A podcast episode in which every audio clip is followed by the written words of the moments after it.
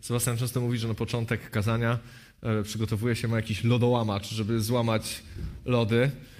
Ja nie mam dzisiaj takiego, żadnego i mam nadzieję, że, że nie musimy jakichś szczególnie grubych lodów dzisiaj łamać. Ja mam dzisiaj takie słowo, które położył mi Pan Bóg e, na serce. Myślę, że dla mnie e, takie, takie poruszające, dla mnie ważne. Żyję tym ostatnio, ale wierzę, że też mam się tym podzielić. Nie chcę czytać całej historii o królu Nabukadnesarze albo Nabuchodonozorze, w zależności od tłumaczenia. Ci, którzy czytali Księgę Daniela, kojarzą, to był król Babilonu. To był król Babilonu, który podbił Judę, ostatecznie zburzył Jerozolimę, zburzył świątynię i resztkę tych ludzi, którzy tam jeszcze zostali, e, arystokracji, ludzi, którzy, którzy tam coś znaczyli jeszcze w Judzie, po prostu wziął do niewoli do, do Babilonu. I w Księdze Daniela bardzo często o nim słyszymy, czytamy. E, może dlatego on jest też taki znany, bo ma trudne imię, jakby i, i wchodzi nam do głowy. Ale król Nabukadnezar, bo takiego, tego, takiego imienia będę używał, no był takim megalomanem. E, nie wiem, czy zauważyliście, kiedy czytamy tą księgę.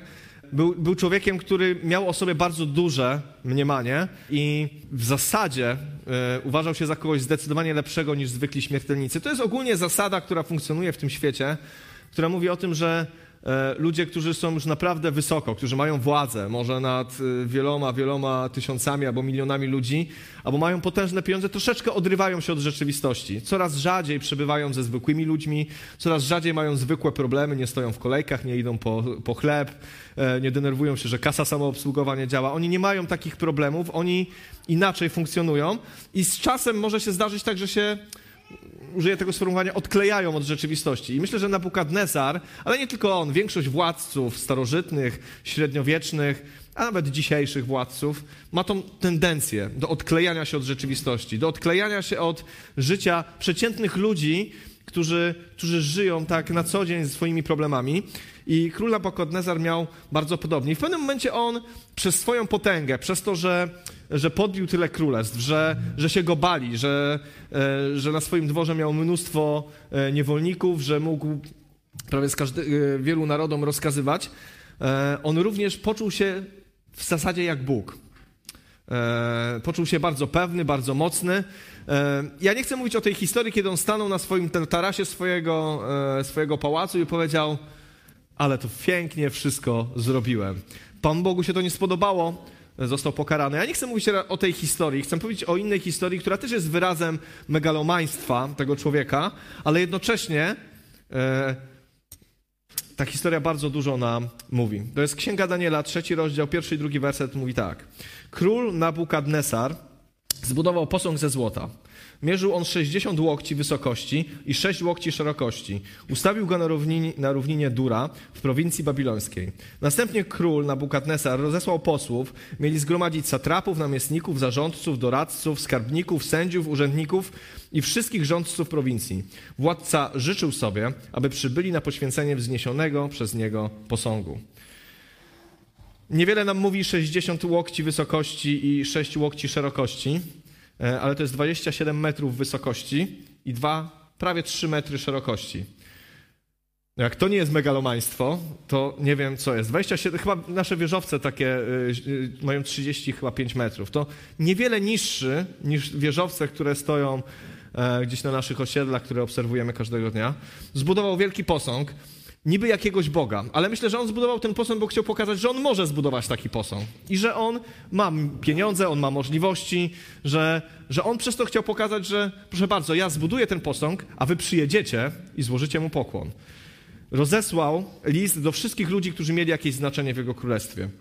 Do ludzi, którzy, e, którzy mieli władzę, którzy mieli pieniądze, którzy, którzy byli ustawieni, którzy zawdzięczali to wszystko właśnie Nabukadneserowi. Właśnie dlatego, że on prowadził taką politykę, dlatego, że miał podboje, dlatego, że państwo się bogaciło. I on to wszystko miał, więc zażyczył sobie, żeby oni wszyscy zjechali na tą równinę i oddali, oddali pokłon. E, a później czytamy tak w 14 i w 15 wersecie. A, może, może, e, może zanim przeskoczę tak daleko, to chciałem jeszcze powiedzieć, że e, spośród tych wszystkich ludzi nie wszyscy byli Babilończykami. Nie wszyscy byli ludźmi, którzy wierzyli w to samo, co, co Babilończycy. Gdzie tamte czasy w ogóle były troszeczkę inaczej, dlatego że ludzie ogólnie którzy wierzyli w różnych bogów, nie mieli pro problem, żeby wierzyć co chwilę w innego Boga, albo żeby zmienić mu po prostu nazwę. Nie było problemu, żeby z Molocha zmienić na Zeusa, albo z Zeusa zmienić na Apolla. Kwestia interpretacji, to było możliwe. Dlatego wszystkie narody, które były podbite, e, bardzo często religia miała takie znaczenie, że ona jakby łączyła, jednoczyła społeczności, państwa i bardzo często władcy narzucali jakiś kult, który był oficjalny. E, I prawdopodobnie to samo chciał zrobić Napukadnesar. On stworzył jakiegoś Boga. On stworzył jakiś posąg i on chciał, żeby wszyscy mu się pokłonili, żeby to tych ludzi zjednoczyło. Cesarze rzymscy sami się w pewnym momencie uznali za, za bogów, którym co prawda nie za życie, ale po śmierci budowano świątynię, składano ofiary, a czasami nawet za życia składano im ofiary, żeby sprawdzić, kto tak naprawdę jest Rzymianinem, na czym cierpieli chrześcijanie. I i tam byli ludzie z wielu różnych narodów, które Nabukadnezar podbił. Tam byli również Żydzi, którzy zostali wygnani do, e, do Izraela. Nie było tam co prawda Daniela, bo chyba był na jakiejś delegacji, ale byli jego trzej przyjaciele. Był Szedrak, Meszak i Abednego. Trzej ludzie, o których wiemy tylko tyle, że byli wybitni, jeżeli chodzi o swoje pokolenie. Że razem z Danielem zostali wyznaczeni do służby, że razem z Danielem byli tymi, którzy postanowili nie jeść niekoszernego jedzenia, którzy postanowili e, zaufać Panu Bogu, e, którzy zostali wykształceni po to, żeby służyć na dworze króla Babilonu i żeby być dla niego pożyteczni. Pełnili jakieś funkcje, pełnili jakieś role, byli personami. Mimo, że byli ludźmi, którzy byli na wygnaniu w Babilonie, to jednak pełnili tam ważną funkcję i oni również byli w tym tłumie. Oni również musieli tam stanąć. I kiedy zabrzmiały te wszystkie instrumenty, kiedy trzeba było już oddać pokłon, to wszyscy padli. Wszyscy padli na kolana. Ale tylko tych trzech na kolana nie padło. A 13, 14, 15 werset czytamy tak. A Nabukadnesar zapytał, czy to prawda Szadraku, Meszaku i Abednego, że nie czcicie moich bogów i nie oddajecie pokłon złotemu posągowi, który wzniosłem? A czy teraz, jeśli usłyszycie dźwięk rogu, fletu, cytry, harfy, lutni, dud i innych instrumentów muzycznych, jesteście gotowi upaść i złożyć pokłon posągowi, który ja zbudowałem? Bo jeśli nie, będziecie natychmiast wrzuceni do wnętrza rozpalonego pieca i który Bóg wyrwie was z mojej ręki? Chciałem jakby narysować nam taki obraz, który może, może, może dla nas będzie też czytelny. Wiecie, tych trzech, Szadrak, Meszak i Abednego, oni oni byli uwikłani w coś, za czym nie stali sercem. Oni byli w to uwikłani, dlatego że pełnili pewne funkcje i żyli w tym, w tym społeczeństwie, i na zawołanie Nabukadnesara również oni musieli przyjechać i złożyć ten pod, po, e, pokłon. Również oni musieli oddać cześć temu posągowi. I dla Żyda, dla, dla człowieka, który e, ufał Panu Bogu, który znał zakon, pa, padnięcie na twarz przed posągiem było czymś, było czymś strasznym. To było bałwochwalstwo oczywiście wielu Izraelitów przez setki lat padało przed różnymi posągami na twarz, ale oni akurat byli Bogu wierni. I popatrzcie teraz, jakby popatrzmy, że, że nas może spotkać coś podobnego. Wiecie, żyjemy w tym świecie. Żyjemy w tym świecie, który, który toczy się swoim biegiem. Jest jakaś historia, która się toczy. Pan Bóg zaplanował pewne rzeczy. My jesteśmy w tym świecie. Może się zdarzyć, tak jak Szedrak, Meszak i Abednego, że również będziemy kiedyś zawołani na jakąś równinę żeby oddać cześć czemuś. Wiecie, żyjemy w świecie, w którym y, jest pełen megalomaństwa, w którym też stawia się wiele różnych posągów, przed którymi ludzie padają. Wiecie, dlaczego ci ludzie padli przed tym posągiem na kolana? Dlatego, że oni byli satrapami, namiestnikami, zarządcami, doradcami, skarbnikami, sędziami. Oni pełnili funkcję. To był ich chleb, to było ich życie, to była... Oni z tego żyli. To było całe, całe ich życie prawie i oni padli Cokolwiek by Nabukadnesar tam nie wymyślił, to większość ludzi by padła na kolana. Dlaczego? Dlatego, że nie chciała stracić tego, co już teraz miała. Dlatego, że on im zagroził, że kto nie padnie, będzie wrzucony do, do pieca. Tak samo powiedział to Meszakowi, Szadrakowi, Meszakowi i Abetnego. I wiecie, tak czasami jest w tym świecie, że i w ogóle wiele systemów tak działa, że żeby ludzi w jakikolwiek sposób zniewolić, a szczególnie totalitarnych, to pewną grupkę ludzi można zawsze kupić posadami, stanowiskiem, bogactwem. I każda władza, najczęściej totalitarna, która chce rządzić całym społeczeństwem, to jakąś grupkę ludzi wpływowych musi sobie kupić. Musi coś im dać po to, żeby oni byli wierni. Ale całą resztę trzeba zastraszyć. Trzeba powiedzieć, że takie będą konsekwencje, jeżeli tego nie zrobisz. I Nabukadnesar zrobił dokładnie to.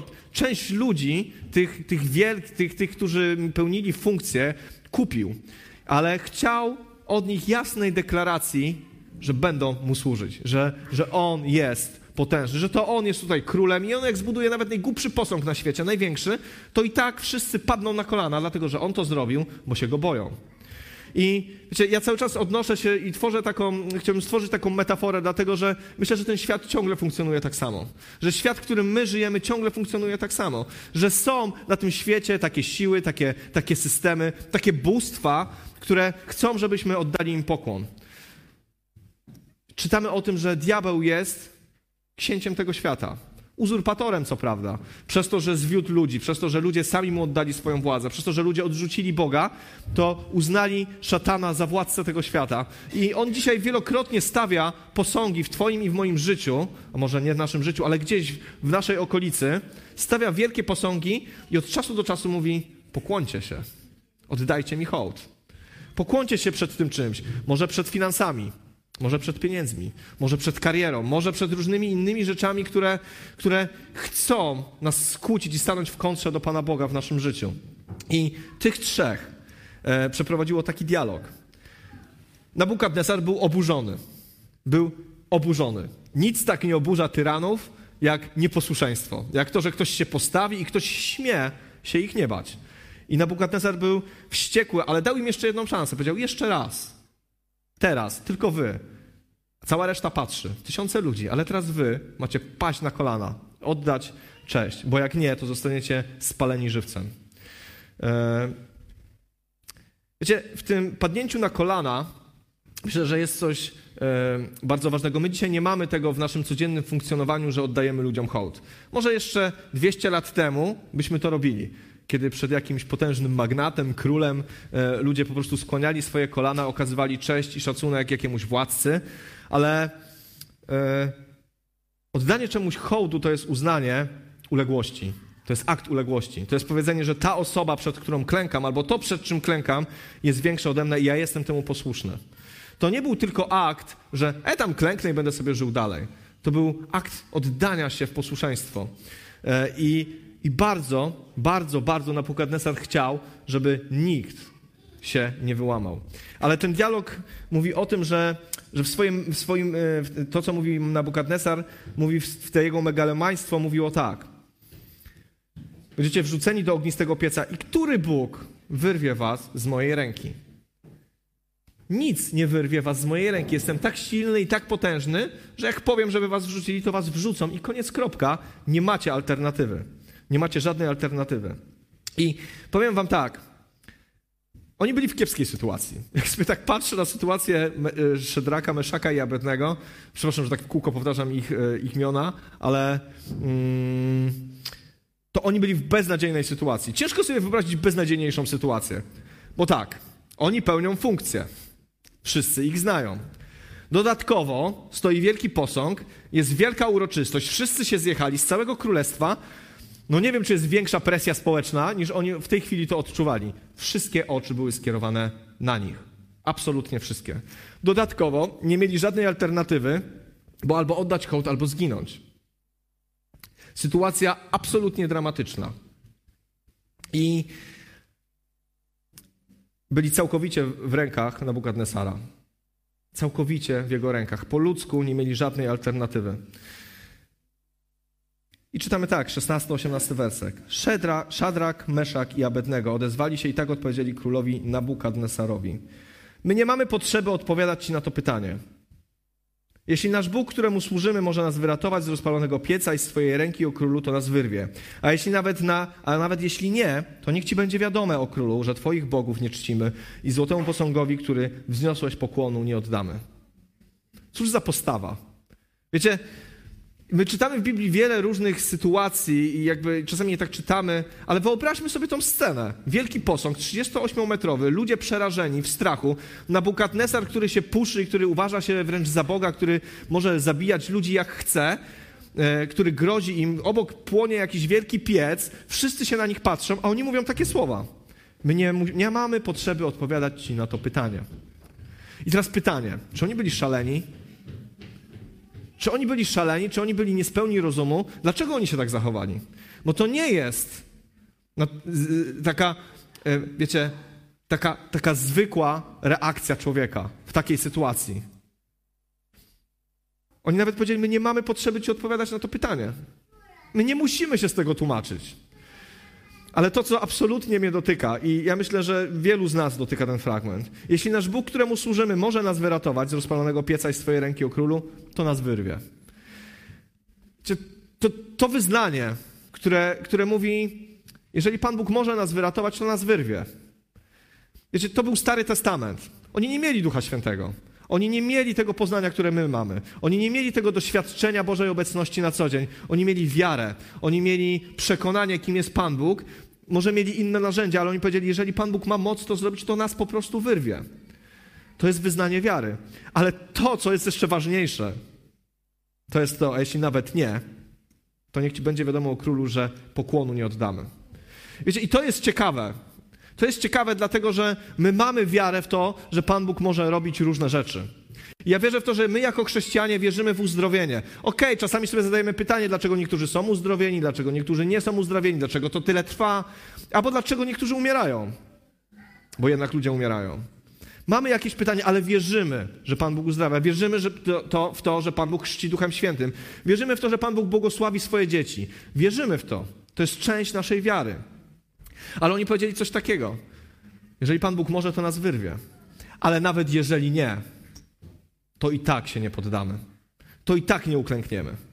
Wiecie, i ta postawa jest dla mnie, dla mnie czymś yy, bardzo mocnym, dlatego że to jest wiara poziom wyżej. To jest wiara poziom wyżej, dlatego że ta wiara mówi, że ja nie chcę od Pana Boga tylko korzyści. Ja nie chcę od Pana Boga tylko, żeby mi błogosławił, dawał i mnie ratował. Ja nie chcę tylko tego. Moja wiara sięga dalej, dlatego że ja mu uwierzyłem, ja wiem, kim on jest i trudno. Co się wydarzy, to się wydarzy, ale ja się go nie zaprę. Ja się go nie zaprę. Ja nie padnę przed, pod wpływem. Te, te, wiecie, to, to, to było, podejrzewam, to, co stworzył Nabukadnesar, to był taki, to był taki wielki spektakl. To był taki spektakl, w którym po prostu cześć miała zostać oddana. Presja potężna. Ale oni jednak mimo wszystko powiedzieli, trudno. Pan Bóg nas wyrwie, Fajnie. Znaczy, nie, myślę, że nie mówili tego tak lekko jak ja teraz, ale, ale nawet jeżeli nie. I wiecie, i to dlaczego jeżeli nie, jest czymś, co, co, co, gdzieś w moim sercu gra, co, coś, co mnie zastanawia. Dlatego, że oni byli gotowi na śmierć. Oni byli gotowi na śmierć. Moglibyśmy powiedzieć, co to jest takiego złożyć pokłon? W sercu nie oddam mu czci, a tak po prostu się pokłonię i będę żył jakoś dalej. Wiecie, można sobie wymyślić jakąś historyjkę, żeby powiedzieć, dobra jakość to będzie. Tutaj się pokłonię, później przeproszę, yy, Pan Bóg wie, wiecie, tutaj zaciśnięte palce na krzyżyk z tyłu, jakby się... Nie. Oni nie szukali żadnych alternatywnych rozwiązań, nie szukali jakiejś ścieżki, która mogłaby sprawić, że dobra, oddamy pokłon, yy, pójdziemy za tłumem, zrobimy to, co wszyscy, a później jakoś sobie tą sprawę z Panem Bogiem załatwimy. Bo oni wiedzieli, że to już jest za gruba sprawa że to jest już za duży kompromis. Publicznie przy wszystkich oddać cześć jakiemuś bóstwu, które przed chwilą zostało wymyślone, tylko po to, żeby uznać, że Nabukadnezar jest kimś potężnym i wielkim, to jest za dużo. Cześć należy się tylko Panu Bogu. Wiecie, diabeł próbuje taki trik zrobić za każdym razem. Wiecie, że był tak bezczelny, że nawet chciał to zrobić z Jezusem? Dokładnie tak samo. Wziął go na wysoką górę i powiedział: To są wszystkie królestwa ziemi. Oddaj mi tylko pokłon, a wszystkie będą Twoje. To się dzieje cały czas. Skoro to się działo z tymi trzema, skoro to się działo z Jezusem, to myślicie, że to się nie dzieje w naszym życiu? Że nie jest to zjawisko, które powtarza się w naszym życiu? Gdzie jesteśmy zaciągnięci w miejsce, w którym stoimy przed dylematem, przed czym się pokłonimy i co uznamy za najważniejsze w naszym życiu. Komu będziemy służyć? Oczywiście, być może nie przed posąg. Ale myślę, że takie sytuacje się po prostu zdarzają. I wtedy często dochodzi do pewnego takiego konfliktu moralnego, dlatego że oddając pokłon, zachowuję coś, co mam.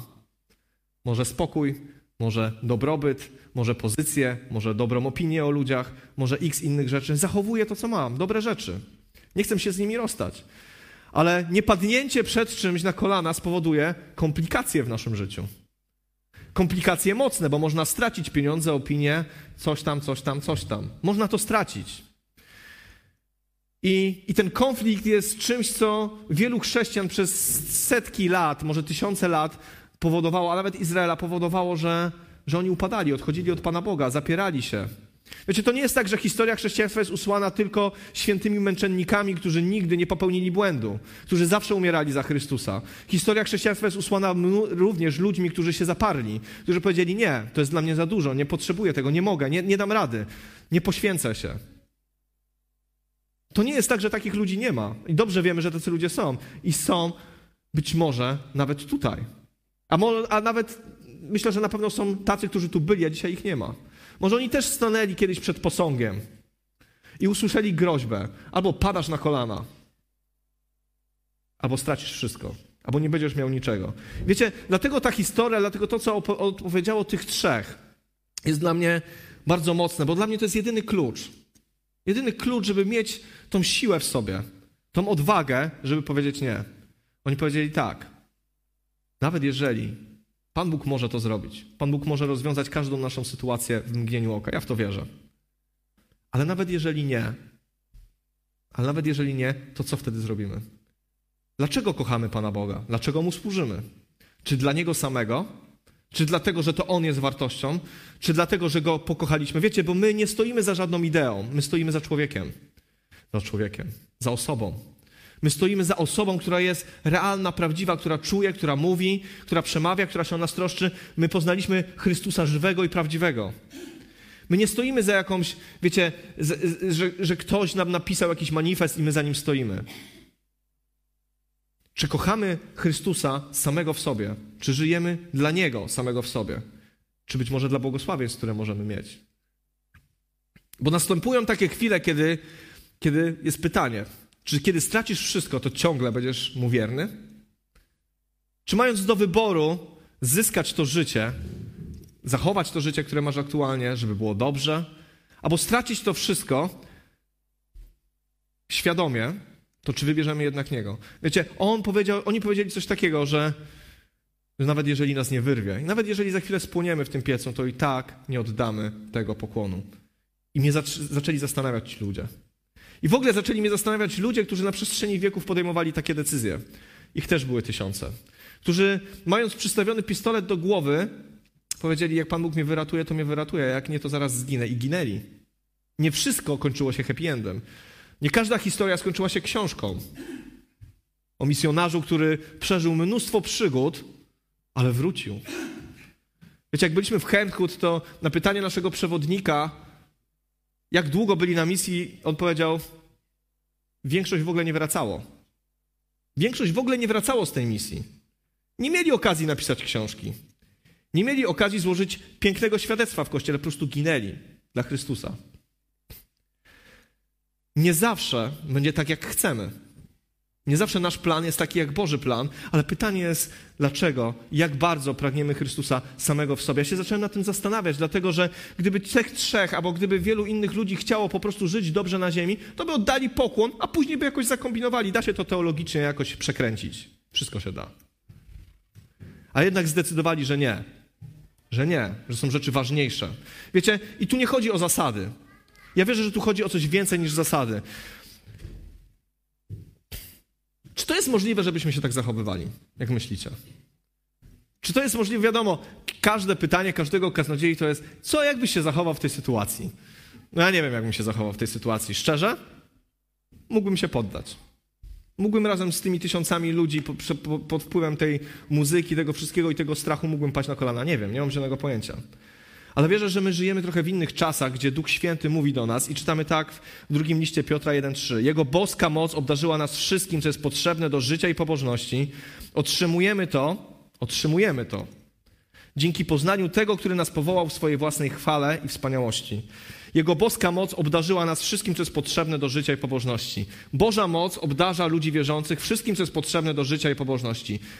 Myślę, że to się dzieli na dwie, dwie części. Życie to to codzienne nasze życie, wiecie, praca, obowiązki, stresy z tego wynikające, a pobożność to to chodzenie za Bogiem. Ja wiem, że te dwie dziedziny, one się ze sobą łączą, muszą się łączyć, ale, ale Pan Bóg dał nam wszelką siłę do tego, żebyśmy byli w stanie przejść przez to życie w sposób taki, jak mu się podoba, przez te nasze zwykłe, codzienne sytuacje, ale żebyśmy też mieli siłę do tego, żebyśmy mieli wszystko, co jest potrzebne do życia po Bożemu, w Boży sposób.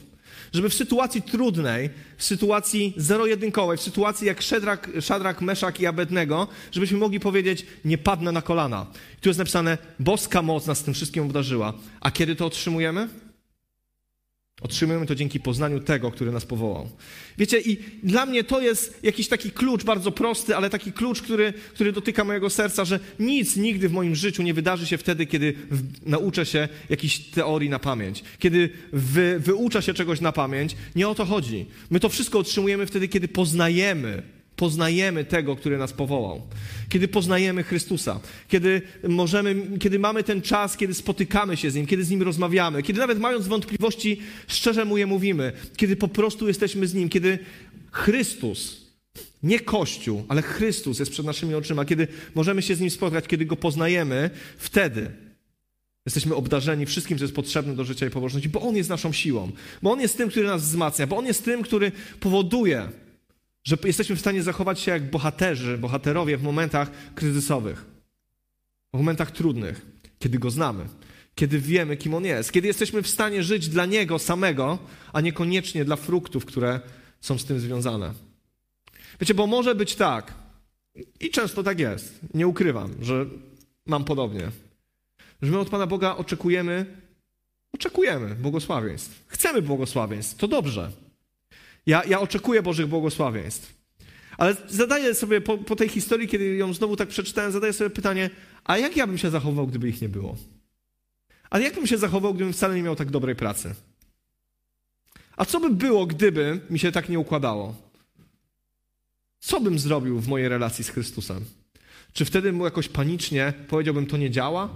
Padam na kolana przed tym światem, idę, tam to osiągnę? Wiecie, kiedy patrzymy interesem, to nie zawsze życie z Bogiem będzie lepsze. Kiedy patrzymy interesem na to, co można osiągnąć w tym świecie, to życie z Bogiem nie zawsze będzie lepsze. Bo szybciej i łatwiej można osiągnąć pewne rzeczy bez Pana Boga. Jeżeli będziemy myśleć o tym, żeby nam się lepiej wygodnie żyło, to Pan Bóg wcale nie jest pierwszą i najlepszą ofertą. Powiem to uczciwie, bo czytam Biblię i wiem, co się dzieje z ludźmi, którzy mu służyli. Ale, ale nasze, nasze życie za Bogiem, nasze poświęcenie wynika z tego, że, że my nie idziemy za tym, co Pan Bóg może nam dać, ale ukochaliśmy Go takiego, jakim jest. Spotkaliśmy Go, rozmawiamy z Nim, doznajemy przebaczenia grzechów, czujemy Jego obecność. Wcale nie jest najważniejsze to, co nam daje. Najważniejsze jest to, że jest, że On jest blisko, że jest przy nas, że mamy przyjaciela, że mamy, że mamy osobę tak bliską, dla której jesteśmy w stanie się poświęcić. Kiedy otrzymujemy to dzięki poznaniu tego, poznaniu, nie wiedzy. Poznajemy wtedy, kiedy rozmawiamy, kiedy jesteśmy blisko, kiedy możemy sobie z, y, zwierzać się z pewnych rzeczy. Wtedy się tak naprawdę poznajemy. To nie jest wymienienie się wizytówkami z Panem Bogiem. Bo wiecie, kiedy się wymienimy tylko wizytówkami z, y, z Jezusem, to razem z tym tłumem przy pierwszej lepszej okazji, jeszcze nawet po pierwszej nutce, już na kolanach.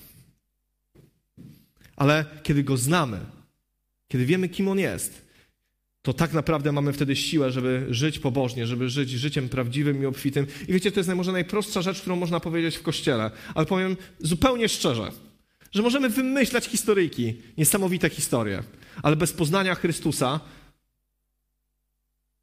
wywalimy się na pierwszym zakręcie. Wywalimy się na pierwszym zakręcie. Nasze życie nie będzie miało prawdziwej wartości, bo wiecie, za manifestami, za ideami można stać do pewnego momentu. A Chrystus chce od nas wszystkiego. Chce od nas wszystkiego. Czy nam błogosławi? Błogosławi. Nie chcę, żeby wybrzmiało, że nie błogosławi. Błogosławi. Ale czy w momencie, w którym będziemy mieli do wyboru błogosławieństwo albo Jego, staniemy za Nim? List do Hebrajczyków, 12 rozdział, pierwszy, trzeci werset mówią tak. Z tego powodu my, otoczeni tak wielką rzeszą świadków, odrzućmy wszelkie przeszkody oraz e, krępujący nas grzech i biegnijmy wytrwale w wyznaczonym nam wyścigu.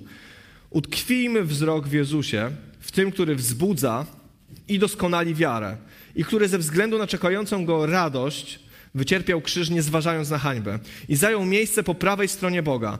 Pomyślcie o tym, który ze strony grzeszników doznał wobec siebie takiej wrogości, abyście zniechęceni nie upadli na duszy. Otwijmy wzrok w Chrystusie. Mamy biec. Wiecie, wiele rzeczy jest przed nami. Wiele wyzwań, wiele problemów, wiele, wiele rzeczy, które będą nas przerastać. Wiele strachów i lęków w tym świecie nas spotka. Słowo Boże nas zachęca, żebyśmy biegli wytrwale. Widząc ludzi, którzy wytrwali przy Bogu, którzy oddali mu, za, mu swoje życie, którzy zwycięsko dobiegli, mamy patrzeć na świadków, ale przede wszystkim nasz wzrok ma być utkwiony w Chrystusie. Ja wierzę w to głęboko, że każdy człowiek musi mieć wzór w swoim życiu. Wzór do naśladowania. My, cały ten świat jest zbudowany na wzorach, na autorytetach. Chcemy sięgać jakieś... Nie rozwijamy się wtedy, kiedy nie sięgamy, nie sięgamy wyżej i nie, nie zmieniamy się w stronę czegoś, co naszym zdaniem jest dobre i wartościowe. Wiecie, my potrzebujemy właściwego wzoru, prawdziwego punktu odniesienia w naszym życiu. I nie da się być chrześcijaninem bez ustawicznego utkwienia swojego wzroku w Chrystusa. Wiecie, to jest takie bardzo chrystocentryczne, ale ja uważam, że to, co w Słowie Bożym jest napisane, wyzwania, które stoją przed nami, e, jakby służby, które są dla nas, powołanie, miłość do ludzi jest niemożliwe bez nieustannego patrzenia w Chrystusa. To jest wszystko za trudne. Ja wam powiem zupełnie szczerze, że bez Chrystusa to wszystko, co jest w Słowie Bożym napisane, jest za trudne. Jest nieosiągalne dla człowieka. Tylko wtedy, kiedy nasz wzrok jest utkwiony w nim, mamy siłę biec. I tu jest napisane tak. On wzbudza w nas wiarę i on doskonali naszą wiarę. Czasami możemy sobie wydawać, dzisiaj stawiamy się w miejscu Szadraka, Meszaka i Abednego. Tak uczciwie. Nie wiem, jaki procent by powiedział, dobra, do pieca. Nie wiem. Ja tak uczciwie nie wiem. Nigdy nie byłem w takiej sytuacji. Może nie mamy dzisiaj takiej wiary, ale tu jest napisane, że ci, którzy mają utkwiony wzrok w Chrystusie, ci, którzy go szukają, ci, którzy go poznają, on wzbudza naszą wiarę i on ją buduje. Krok po kroku, krok po kroku, krok po kroku. I być może kiedyś, oby nie, ale być może kiedyś, kiedy staniemy przed takim wyborem, powiemy: Dobrze, rób co chcesz. Ja tego nie zrobię. Pan Bóg mnie wyratuje, to mnie wyratuje. A jak mnie nie wyratuje, to ja i tak wiem, komu zaufałem. Ja wiem, kogo kocham. Wiem, kto się o mnie troszczy i ja wiem, dokąd idę. Wiecie, dla mnie w tym świecie zawalonym różnymi rzeczami, zawalonym różnego rodzaju teoriami, my możemy z tym wszystkim dyskutować. Zauważyliście, że Szadrak, Meszak i Abednego powiedzieli, my nie mamy potrzeby ci odpowiadać na to pytanie. Po prostu tego nie zrobimy. Wiecie, jest wiele rzeczy, które podważa nasze chrześcijaństwo, które uderza w to, w co wierzymy, które wyśmiewa w to, w co wierzymy, uznaje to za coś już przestarzałego i tak dalej, i tak dalej, za jakiś fanatyzm, radykalizm. Okej, okay, to wszystko jest. Ale wiecie, ja się nie poczuwam do odpowiedzialności odpowiadać na wszystko, bo ja wiem, komu zaufałem. Ja wiem, kto jest moim Bogiem. Ja wiem, co On mi dał i wiem, dokąd idę. Wiecie, czasami dobrze jest odpowiedzieć, ale w tych sprawach kluczowych, e, e, naszych egzystencjonalnych, my powinniśmy uchwycić się prostej wiary. Prostej wiary, którą oni mieli. Oni powiedzieli: Nie, nie uklękniemy. Bez względu na wszystko. Nie uklękniemy. Myślę, że czasami brakuje nam czegoś takiego. Wiecie, to Hemchut. Ja, ja, ja, przyznam szczerze, że dla mnie to zrobiło też duże wrażenie, dlatego że ja tam widziałem coś takiego w praktyce. Znaczy w praktyce, nie widzieliśmy tych ludzi, bo oni umarli już, ale, ale to, co tam się działo, to była taka prosta wiara. Jesteśmy tu po to, żeby służyć Bogu, więc nasze życie tak organizujemy, tak przekształcamy, żeby służyć Bogu. To się działo. Są ludzie, którzy rzeczywiście tak żyją. I mi się zrobiło wstyd. Mi się zrobiło wstyd. Powiem wam autentycznie, że mi się zrobiło wstyd, kiedy widziałem to poświęcenie. Kiedy widziałem tą pasję. Kiedy widziałem to, że oni naprawdę od, od chwili urodzin do chwili śmierci wszystko postanowili układać pod Chrystusa. To jest imponujące. To jest imponujące, ale ja myślę, że oni mieli to, o czym tutaj czytamy. Utkwili swój wzrok w Chrystusie. I wszystko zaczęło się kręcić wokół Chrystusa. I wszystko nabrało zupełnie innych barw. Bo wiecie, punkt odniesienia jest tym najważniejszym w naszym życiu. Do tego zmierzamy. To jest coś, z czego będzie promieniować wszystko. Nasza moralność, nasze zachowania, nasze uczynki, nasze rozmowy, nasza mądrość. Ona będzie promieniować z tego, czy mamy utkwiony wzrok w Chrystusie, czy może w tym posągu który daje to, co ten świat oferuje, czy w Chrystusie. A później, później jest napisane tak: Pomyślcie o tym, czyli o Chrystusie, który ze strony grzeszników doznał wobec siebie takiej wrogości. Pomyślcie o Chrystusie. Wiecie, takie proste sformułowanie. Ale jak często myślimy o tym, co się Jemu podoba? Jak często patrząc na nasze życie, patrzymy, Jezu, Tak uczciwie powiedz mi, czy tobie się podoba to, co robię? Jak żyję? To moje zachowanie, ta moja postawa do tego człowieka albo innego. Czy myślimy o tym, co Chrystus czuje? Czy my bardzo często myślimy o tym, co my czujemy i Panie Boże, daj tu, daj tam, tu mnie boli, tu tego potrzebuję. Bardzo często o tym myślimy. Ale czy zastanawiamy się nad tym, co myśli Chrystus? Czego On chce? No bo skoro to jest nasz przyjaciel, nasz Zbawiciel, to dobrze by też było taką obustronność zachować. Ja wiem, że On jest Bogiem i że On może nam dawać wszystko, ale czy czasami nie traktujemy go jak takiego chrześcijańskiego świętego Mikołaja z naszymi życzeniami, pragnieniami, Panie Boże, daj mi to, daj mi tamto?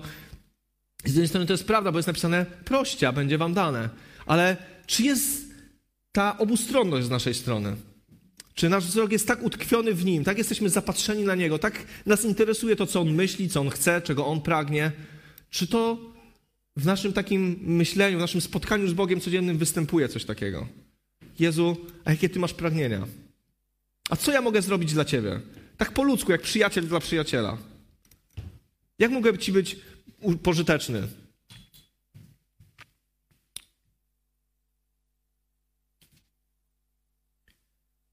Później jest napisane tak, w tym, na koniec tego fragmentu, abyście zniechęceni nie upadli na duszy.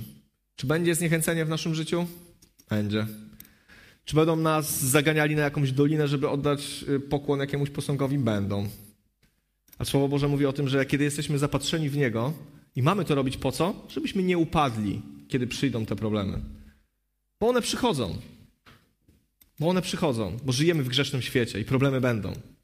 Ale jak mamy utkwiony swój wzrok w Chrystusie, to nie upadniemy. Wierzę w to głęboko. Wierzę w to głęboko. Wiecie, dzisiaj dzielę się tym, dlatego że Serce mi się też rozdziera, jak o tym myślę. Dzisiaj zbyt dużo chrześcijan pada na kolana nie przed tym, przed czym powinno padać. Zbyt często padamy na kolana przed tym, przed czym padać nie powinniśmy. I oczywiście brzmi to prosto. Ja wiem, że w życiu to nie jest takie proste. Kiedy świat ci się wali, kiedy masz kryzys wielki finansowy w swoim domu, kiedy jesteś chory, kiedy nie wiesz, co z sobą zrobić. Ja wiem, że to wtedy nie brzmi tak prosto. Szukamy rozwiązań. Ale ja wierzę w to głęboko, że my właśnie po to żyjemy z Panem Bogiem. Po to mamy tą obecność, po to zasłona świątyni się rozdarła, po to mamy dostęp do Ducha Świętego, żeby pomimo tych problemów, niezależnie od tego, czy Pan Bóg nam pobłogosławi, czy nie, stać przy Nim. Wiecie, nikt nas nie zmuszał do tego, żeby pójść za Chrystusem, chyba że kogoś zmuszał. To źle, to niedobrze. Ale nikt nas nie zmuszał do tego, żeby wziąć chrzest, i nikt nas nie zmuszał do tego, żeby wyznać: Jezu, Ty jesteś moim Panem. Wierzę w to, że podjęliśmy tę decyzję świadomie niezależnie. I czy staniemy za tą decyzją do końca, nawet wtedy, kiedy nie dostaniemy tego, czego oczekujemy? Czy wytrwasz przy Chrystusie nawet wtedy, kiedy nie będzie wszystko tak, jakbyś chciał? Wiecie, ja nie poszedłem za Chrystusem, chociaż czasami mam takie, takie zachowania, ale nie poszedłem za Chrystusem po to, żeby, żeby On mnie zaspokajał. Wszystko, co dla mnie jest ważne. Ja uznałem, że to On jest Panem. Ja oddałem Mu hołd że On jest większy ode mnie. Ja żyję dla Niego. I mówi się to łatwo i wiem, że być może jeszcze wielokrotnie będę musiał stanąć przed tą decyzją, ale chciałbym wam dzisiaj powiedzieć, żebyśmy nie lekceważyli tej najprostszej wiary, którą mamy. Tego, tej wiary i miłości wynikającej z tego, że znamy Chrystusa, że będą burze, będą niepokoje, będą strachy, będą szantaże, będzie straszenie śmiercią, ale stańmy za tym, w co uwierzyliśmy. Czy czujemy, czy nie czujemy. Po prostu Prosta wiara. Prosta wiara. Zaufałem Chrystusowi do końca. Wiecie, my mówimy, że Jezu oddaje Ci moje życie. Oddaję Ci moje życie. My dużo deklaracji składamy. I wiecie, chciałem Was do tego zachęcić, że niezależnie od tego, co Ci przyjdzie przeżyć w tym tygodniu, bo być może będziesz miał takie próby. Jakiś Nabukadnesar objawi się w Twojej pracy, w Twoim życiu i będzie Cię zastraszał albo będzie chciał Cię kupić, żebyś tylko złożył pokłon to nie dajmy się. Wiecie, kiedy my mamy właściwy punkt odniesienia, czyli Chrystusa w swoim życiu, to my też stajemy się punktem odniesienia dla innych. To, w to głęboko wierzę, że wtedy stajemy się dla ludzi kimś, za kim warto pójść, zobaczyć, bo nasze życie mówi o czymś.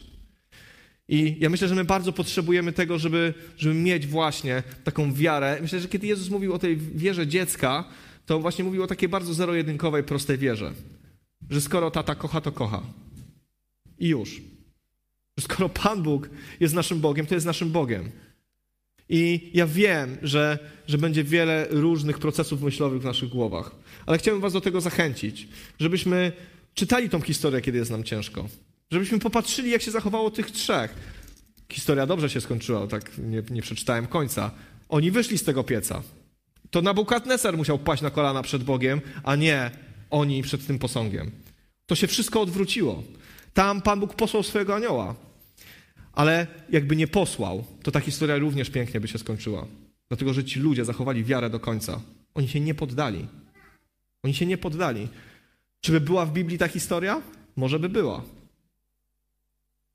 Pan Bóg ich uratował. Nas wierzę też będzie ratował, ale chciałbym, chciałbym, żebyśmy, żebyśmy popatrzyli na Niego, na Niego, czego On chce, czego On potrzebuje, żebyśmy chociaż na chwilę odpuścili tego, czego my potrzebujemy. A mamy tego mnóstwo, całe listy. Czego On chce?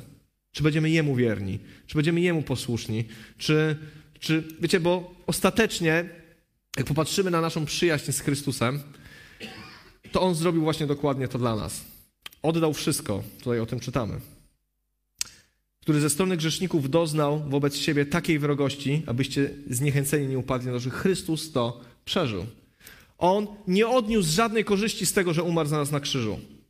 Cierpiał, stał się człowiekiem. Wiecie, robili mu te wszystkie straszne rzeczy. Umarł za nas. Nie miał żadnej, wiecie, Zrobił to z miłości dla nas. On cierpiał dla nas, żebyśmy mogli dzisiaj żyć. Może się zdarzyć, że my będziemy cierpieć dla Niego, żebyśmy mogli żyć. Ale czy nasza relacja jest obustronna? I z tym chciałbym nas dzisiaj zostawić, żebyśmy się nad tym zastanowili. Czy to, że przychodzimy do Chrystusa, polega na tym, że Panie Boże, daj. Panie Boże, daj. Panie Boże, daj. To dobrze, ale jeżeli jest obustronność, jeżeli jest obustronność, jeżeli jesteśmy gotowi stanąć za Nim w każdej sytuacji i mieć tą wierzę, siłę od Ducha Świętego, żeby to zrobić. Ja wierzę, że to jest możliwe. Wierzę, że to jest możliwe, bo widzę w historii chrześcijaństwa ludzi, którzy tak się zachowali. Widzieliśmy to tydzień temu w Hernhut. Niedaleko stąd. Powstańmy, pomódlmy się. Panie Boże, ja Ci dziękuję za to, że, że Ty jesteś naszym Bogiem, Panie. Panie, Ty widzisz, Boże, wszystkie próby, przed którymi stoimy, Panie. Widzisz wszystkie pokusy, przed którymi stoimy, Panie. I widzisz te posągi, które stoją w naszym życiu, Panie.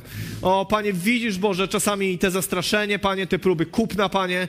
Widzisz, Panie, że my się często musimy zmagać, Panie, z tymi rzeczami, Boże. Ty to widzisz, Panie. Ale ja Ci dziękuję za to, Panie, ja to wyznaję dzisiaj, Panie, że nasza siła, Panie, pochodzi od Ciebie, że Ty nas obdarzyłeś wszystkim, co jest potrzebne do życia i poboczności, Panie, kiedy Cię poznajemy, Panie. Ja Cię proszę, Panie, o teraz taką głębokie, głębokie pragnienie poznania Ciebie, Panie. Tak proszę Cię o to, Panie, żeby w naszych sercach rozpalił się taki żar, Panie, żebyśmy chcieli poznawać Ciebie, Panie. Twoje drogi, Panie, Twoje obietnice, Twoje marzenia, Twoje pragnienia, Panie. Żebyśmy chcieli wiedzieć, Panie, jakie Ty masz plany. Panie, ja Ci dziękuję za to, że Ty się o nas troszczysz, Boże. Ja Ci dziękuję za to, Panie, że Ty dla nas przygotowałeś rzeczy lepsze, niż potrafimy sobie wyobrazić, Panie. Ja wiem, Panie, że dzisiaj też to wyznawaliśmy, Panie, że w Królestwie Niebios razem z Tobą, Panie, kiedyś będziemy, Panie. Dziękuję Dziękuję Ci za to wszystko, ale proszę Cię dzisiaj o siłę, Panie. Proszę Cię dzisiaj o łaskę dla każdego z nas na tym miejscu, Panie, żebyśmy nie padali na kolana, Panie, przed tym, Panie, co ten świat chce nam zaoferować, Panie, żebyśmy swoje życie, Panie, oddawali Tobie, Panie. Nie, Boże, różnym rzeczom, które są wokół nas, Panie. Tak bardzo Cię o to proszę, w imieniu Jezusa Chrystusa, Boże, o taką łaskę dla każdego z nas, Panie. O to, żebyś Ty nas prowadził, Panie. O, Panie, żebyś Ty wypełnił nasze serca, Panie. Proszę Cię o to w imieniu Jezusa Chrystusa, Boże. Dziękuję Ci za to, Panie.